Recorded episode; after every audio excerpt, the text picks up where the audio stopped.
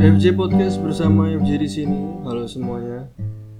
Hari ini tanggal 21 Maret 2022 waktu podcast ini direkam. Apa kabar semuanya? Senang sekali bisa bertemu lagi di minggu ini. Anjir formal banget bahasaku. Uh, teman-teman ada yang udah nonton ini langsung aja ya. teman-teman ada yang udah nonton The Tinder Swindler itu ini kayaknya memang bukan waktu yang uh, udah bukan waktu yang tepat untuk membahas The Tinder Swindler ya karena mungkin trennya udah turun tapi ya udahlah biarin kan. Ini bukan podcast yang mengejar tren juga. Uh, aku mau cerita tentang film The Tinder Swindler. Film ini tayang di Netflix sebuah film dokumenter. Durasinya kurang lebih satu setengah jam Film itu bercerita tentang ada seorang penipu namanya Simon Leviev, orang Israel. Nama aslinya adalah Simon Yehuda Hayut. Dia menggunakan uh, aplikasi basisnya dia menipu adalah di aplikasi Tinder untuk mencari korban wanitanya untuk ditipu gitu. Dia uh, kuras hartanya, dia minta uh, korbannya untuk pinjam sana sini gitu gitulah Tinder uh, I think teman-teman tahu semua ya aplikasi dating online. Cari pacar online sama kayak uh, Tantan dan sejenisnya. Sekarang aja nyari pasangan tuh bisa lewat aplikasi kan. Teknologi emang gila. Nah Simon Simon Simon Leviev ini profil dia di Tinder di aplikasi Tinder dia menunjukkan latar belakang orang kaya. Dia punya jet pribadi dia pernah foto jadi pilot dia juga orang bisnismen foto pakai jas. Dia bercerita bahwa dia itu suka meeting di luar negeri suka jalan-jalan di luar negeri. Hampir setiap minggu bahkan setiap hari mungkin dia bertolak dari satu negeri ke negeri yang lain keliling Eropa lah istilahnya dikelilingin uh, dengan mobil mewah, Rolls Royce, Ferrari dan lain sebagainya. Pokoknya apa aja yang di sekitar dia itu surga dunia lah. Tapi walaupun sekaya itu dia main Tinder. I mean I mean orang kaya kan channel wanitanya itu kan pasti banyak dong, tapi dia main Tinder. Nah, ini kan sebenarnya keanehan pertama kan. Nah, dia ini selain dia menunjukkan latar belakang di aplikasi dating tadi Tinder tadi sebagai orang kaya dia juga mengaku sebagai anak dari Lev Leviev. Lev Leviev ini pengusaha diamond atau berlian dia di Israel gitu dia terkenal di sana. Aku kemarin coba googling Wikipedia-nya ternyata lengkap banget ya.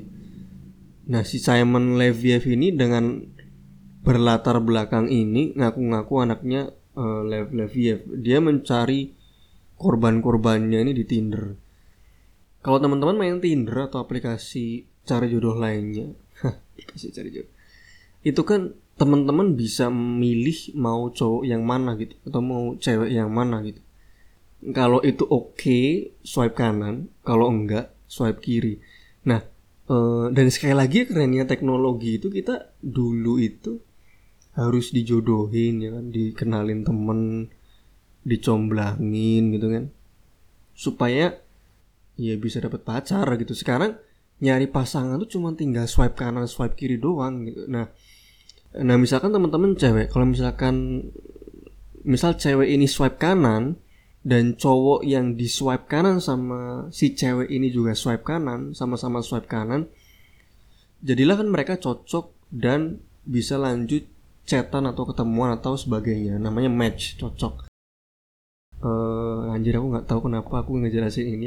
Teman-teman juga ada pada mudeng. Dan mungkin juga udah ada yang expert. Uh, ya udahlah biar panjang durasinya. Uh, modusnya si Simon Leviev ini dia pertama ajak ketemuan cewek yang sudah match di Tinder tadi di hotel mewah atau restoran mewah untuk untuk menunjukkan seberapa kaya dianya kasih uh, first impression kasih uh, trust dulu kasih afeksi dulu kasih trust bahwa dia itu ya konglomerat gitu. Terus dia juga waktu pertemuan pertama dengan cewek korbannya ini dia bawa bodyguard juga yang semakin menunjukkan bahwa kalau dia ini nipu pasti nggak bawa bodyguard dong. Kalau misalkan dia uh, aneh-aneh dia nggak mungkin sekaya ini dong gitu. Tentunya kan nggak sepolos itu kan. Nah tentunya kalau misalkan cewek itu dikasih awalnya langsung um, jos gitu kan maksudnya langsung dikasih uh, fancy dinner uh, affection dan trust bahwa dia emang beneran orang kaya itu pasti logika akan kalah sama uh, perasaan. Uh, ya mungkin kata-kata dibutakan oleh cinta itu bener ya dan dan menurutku kalau itu memang dibalik dalam artian kita uh, cowok gitu ketemu cewek yang ya mungkin kaya gitu kan. Aku juga yakin logika akan kalah sama perasaan gitu dan mungkin nafsu gitu. Jadi sebenarnya ini sebuah kasus yang dua genre juga bisa kena. Nggak nggak cuman memihak ke salah satu gender gitu maksudku. Dan habis dikasih uh, first impression ala konglomerat tadi si cewek ini diajak jalan-jalan naik jet pribadi. Terus di jet pribadinya pun si Simon lagi-lagi menunjukkan bahwa dia adalah orang kaya dengan dia punya partner bisnis. Yang sebenarnya kayaknya juga dibayar sama si Simon ini.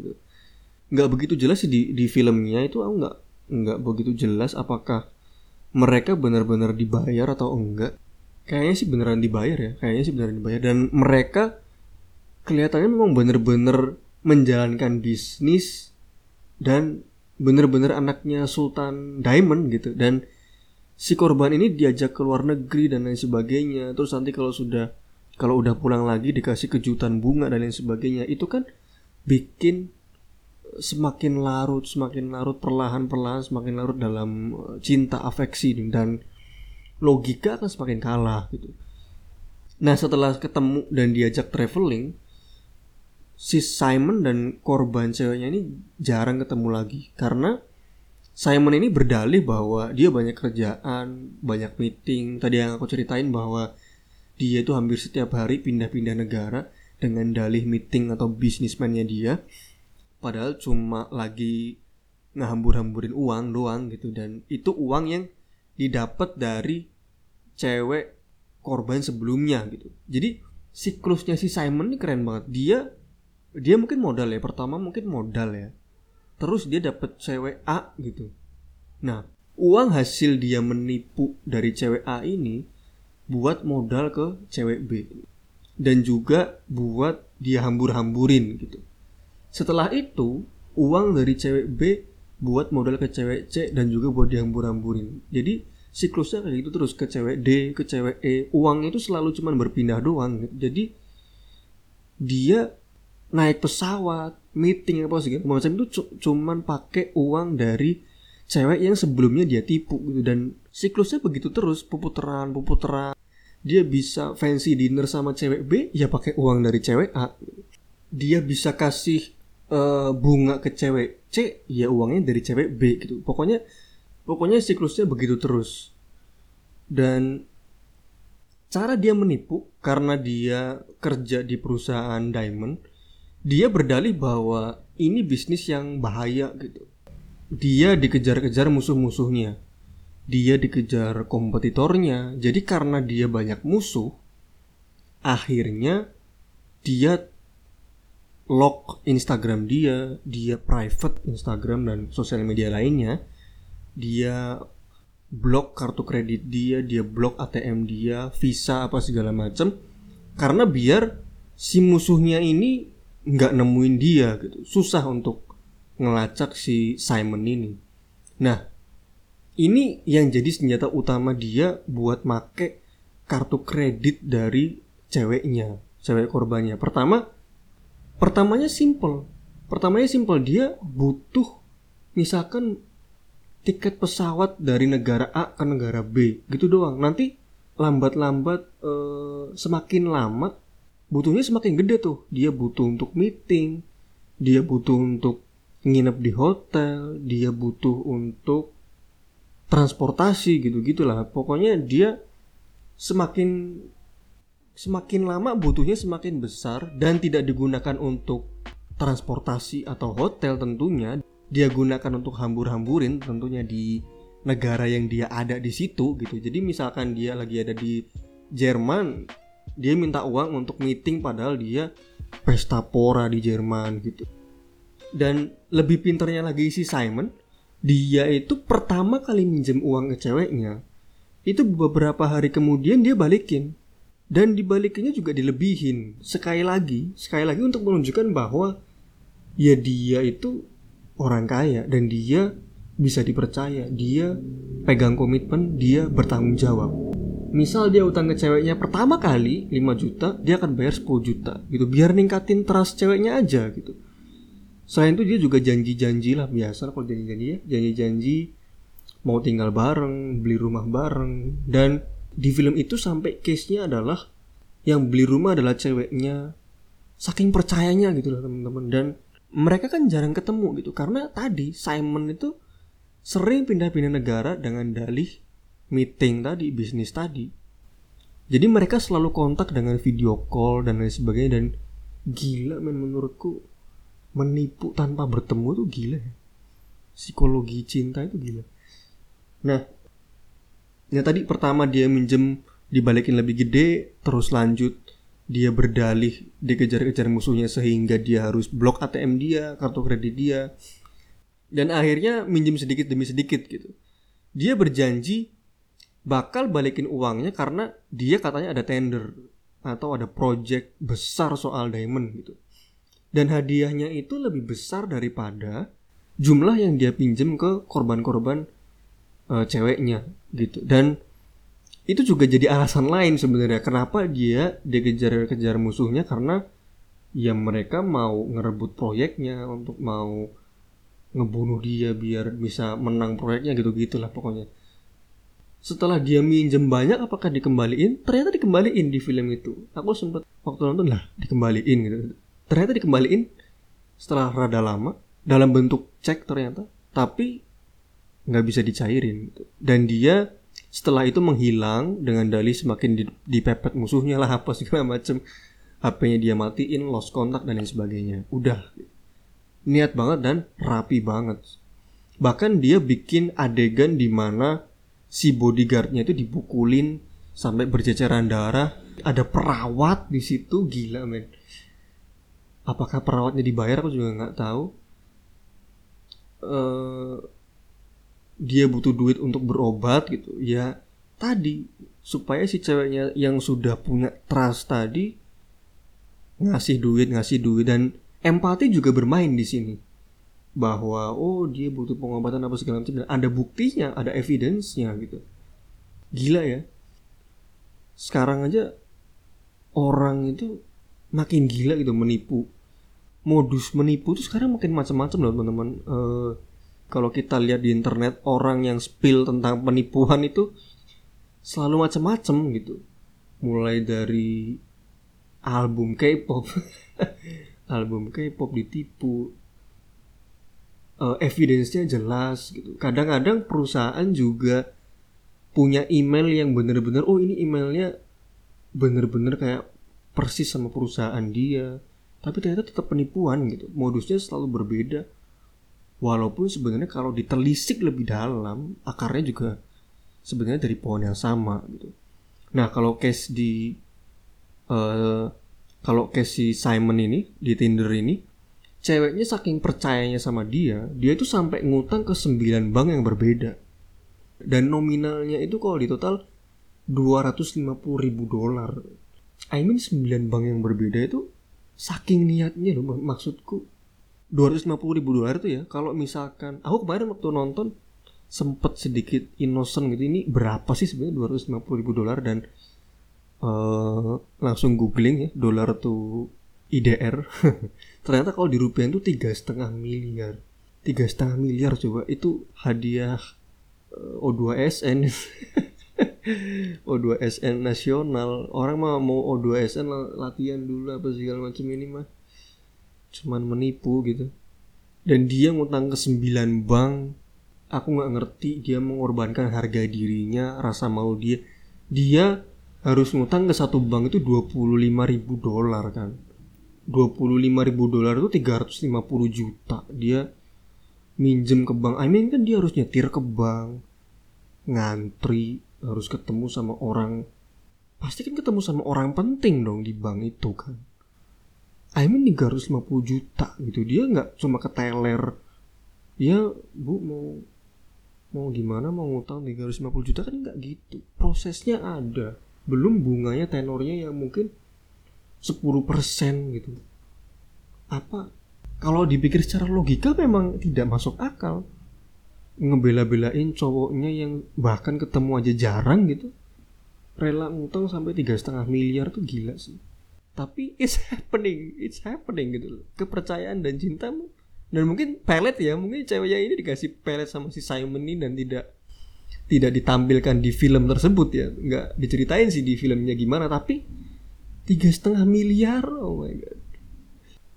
Uh, contoh lain adalah mungkin kalau teman-teman belum nikah tapi sudah berhubungan seks gitu ya mungkin memang cowokmu udah deket sama orang tua udah lamaran besok tinggal nikah gitu misalnya tapi kan sering kali kita dibutakan bahwa ya kesempatan dia kabur setelah dapet uh, mahkota. Mahkota yang kamu punya itu kan masih ada gitu. Sebelum janur kuning melengkung kan dia masih bisa melenggang kangkung gitu aja.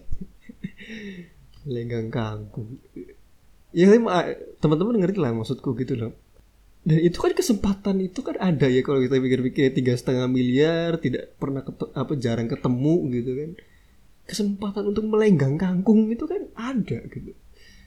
Itu tadi cinta menggunakan logika dan itu sedih sih maksudku oke malah jadi analogi-analogi contoh kembali ke case Simon Tinder Swindler si Nah, ternyata si Simon ini sebelumnya udah pernah dipenjara tiga tahun di Finland, di Finlandia. Di luar negeri loh bahkan penjaranya ini bukan di Israel gitu, tapi setelah dibebas itu malah dia tuh makin gila di Tinder gitu. Uh, crafting ilmu menipunya tuh malah makin dalam gitu, makin bisa makin bisa rapi mainnya, makin tahu patternnya.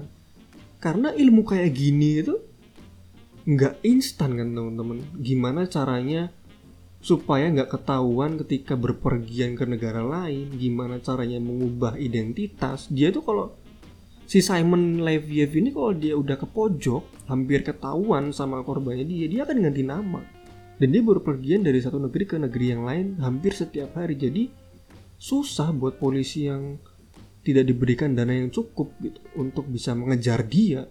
Dan dia kan semakin banyak korban semakin rapi mainnya semakin sempurna cara dia. Dan itu butuh jam terbang yang tinggi men. Komitmen untuk ngasih afeksi ngasih trust ke korban. Selama beberapa bulan pertama dia kasih seneng-senengnya sebelum akhirnya minjem uang pertama.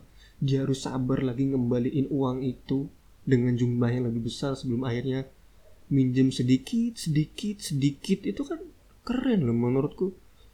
Yang akhirnya setelah nonton itu konklusinya adalah konklusinya adalah ya apa pun kalau diseriusin gitu kita gali lebih dalam kita konsisten walaupun itu kasusnya adalah menipu gitu ya itu bisa menghasilkan gitu. Ya ya ini mungkin pelajarannya ya. Dan pelajaran lainnya adalah ya orang kaya tuh hampir dipastikan nggak main Tinder sih. Ini ini bahaya kalau memang internet tuh berlaku semakin terbuka dan uh, mengeruk anjay mengeruk. Mengeruk privasi kita gitu. orang bisa gampang kelihatan kaya padahal menipu. Orang bisa pintar berkata-kata padahal menipu kita nggak pernah tahu di Tinder atau aplikasi dating lainnya orang yang kita swipe kanan itu walaupun cuma beberapa kilometer dari rumah itu sebenarnya siapa dan berniat apa gitu. dan ini ya ya gitu maksudnya. Akibat dari kita semua bisa terhubung itu ya gitu. Scam pencurian informasi pribadi hacking eh, apalagi penipuan misinformasi hoax nah itu. Itu bisa sangat mudah tersebar. Belum belum lagi info kemarin mungkin teman-teman masih ingat data kita ada yang bocor ke hacker gitu. Mungkin teman-teman masih ingat yang dijual di situs online gitu beberapa juta warga Indonesia datanya dijual di basis digital. Dan ini ide siapa sih? Ide siapa? Bahwa kalau kita semua terhubung itu hal yang baik gitu kita aja sama orang tua aja suka bohong. Kita aja suka ngomongin orang di belakang. Kalau itu dimuat di internet ya pasti chaos lah gitu. Kalau itu dimuat sebagai uh, alat untuk apa pun ya pasti ada aja celah untuk kejahatan gitu. Emang bener emang bener bahwa dampak positif internet itu memang banyak tapi kan akan apa ya kita kan lebih mudah untuk mengulik negatifnya gitu loh. Yang negatif itu pasti selalu di depan. Berita aja sekarang uh, lebih banyak negatif kan daripada positifnya itu berita-berita yang ditampilkan di TV ataupun di media yang rame-rame itu pasti yang negatif. Nggak mungkin. Kalau yang nggak negatif paling uh, anak Hermansyah syukur. Padahal nggak penting-penting juga gitu. Nyari pacar aja udah online besok apa lagi yang digital aku nggak tahu sih besok gila sih. Makin ngeri sih dan kita dan kita tahu nggak sih ending dari ini? Kan kita tahu kan kita kita nonton kan film-film science uh, fiksi gitu di mana robot itu bisa memprogram dirinya Godzilla itu si Mecha Godzilla-nya bisa memprogram dirinya sendiri untuk menghancurkan Godzilla aslinya gitu.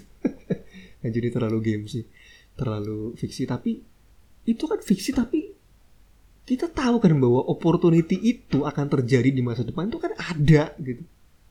Mungkin mungkin akhir zaman mungkin ya memang.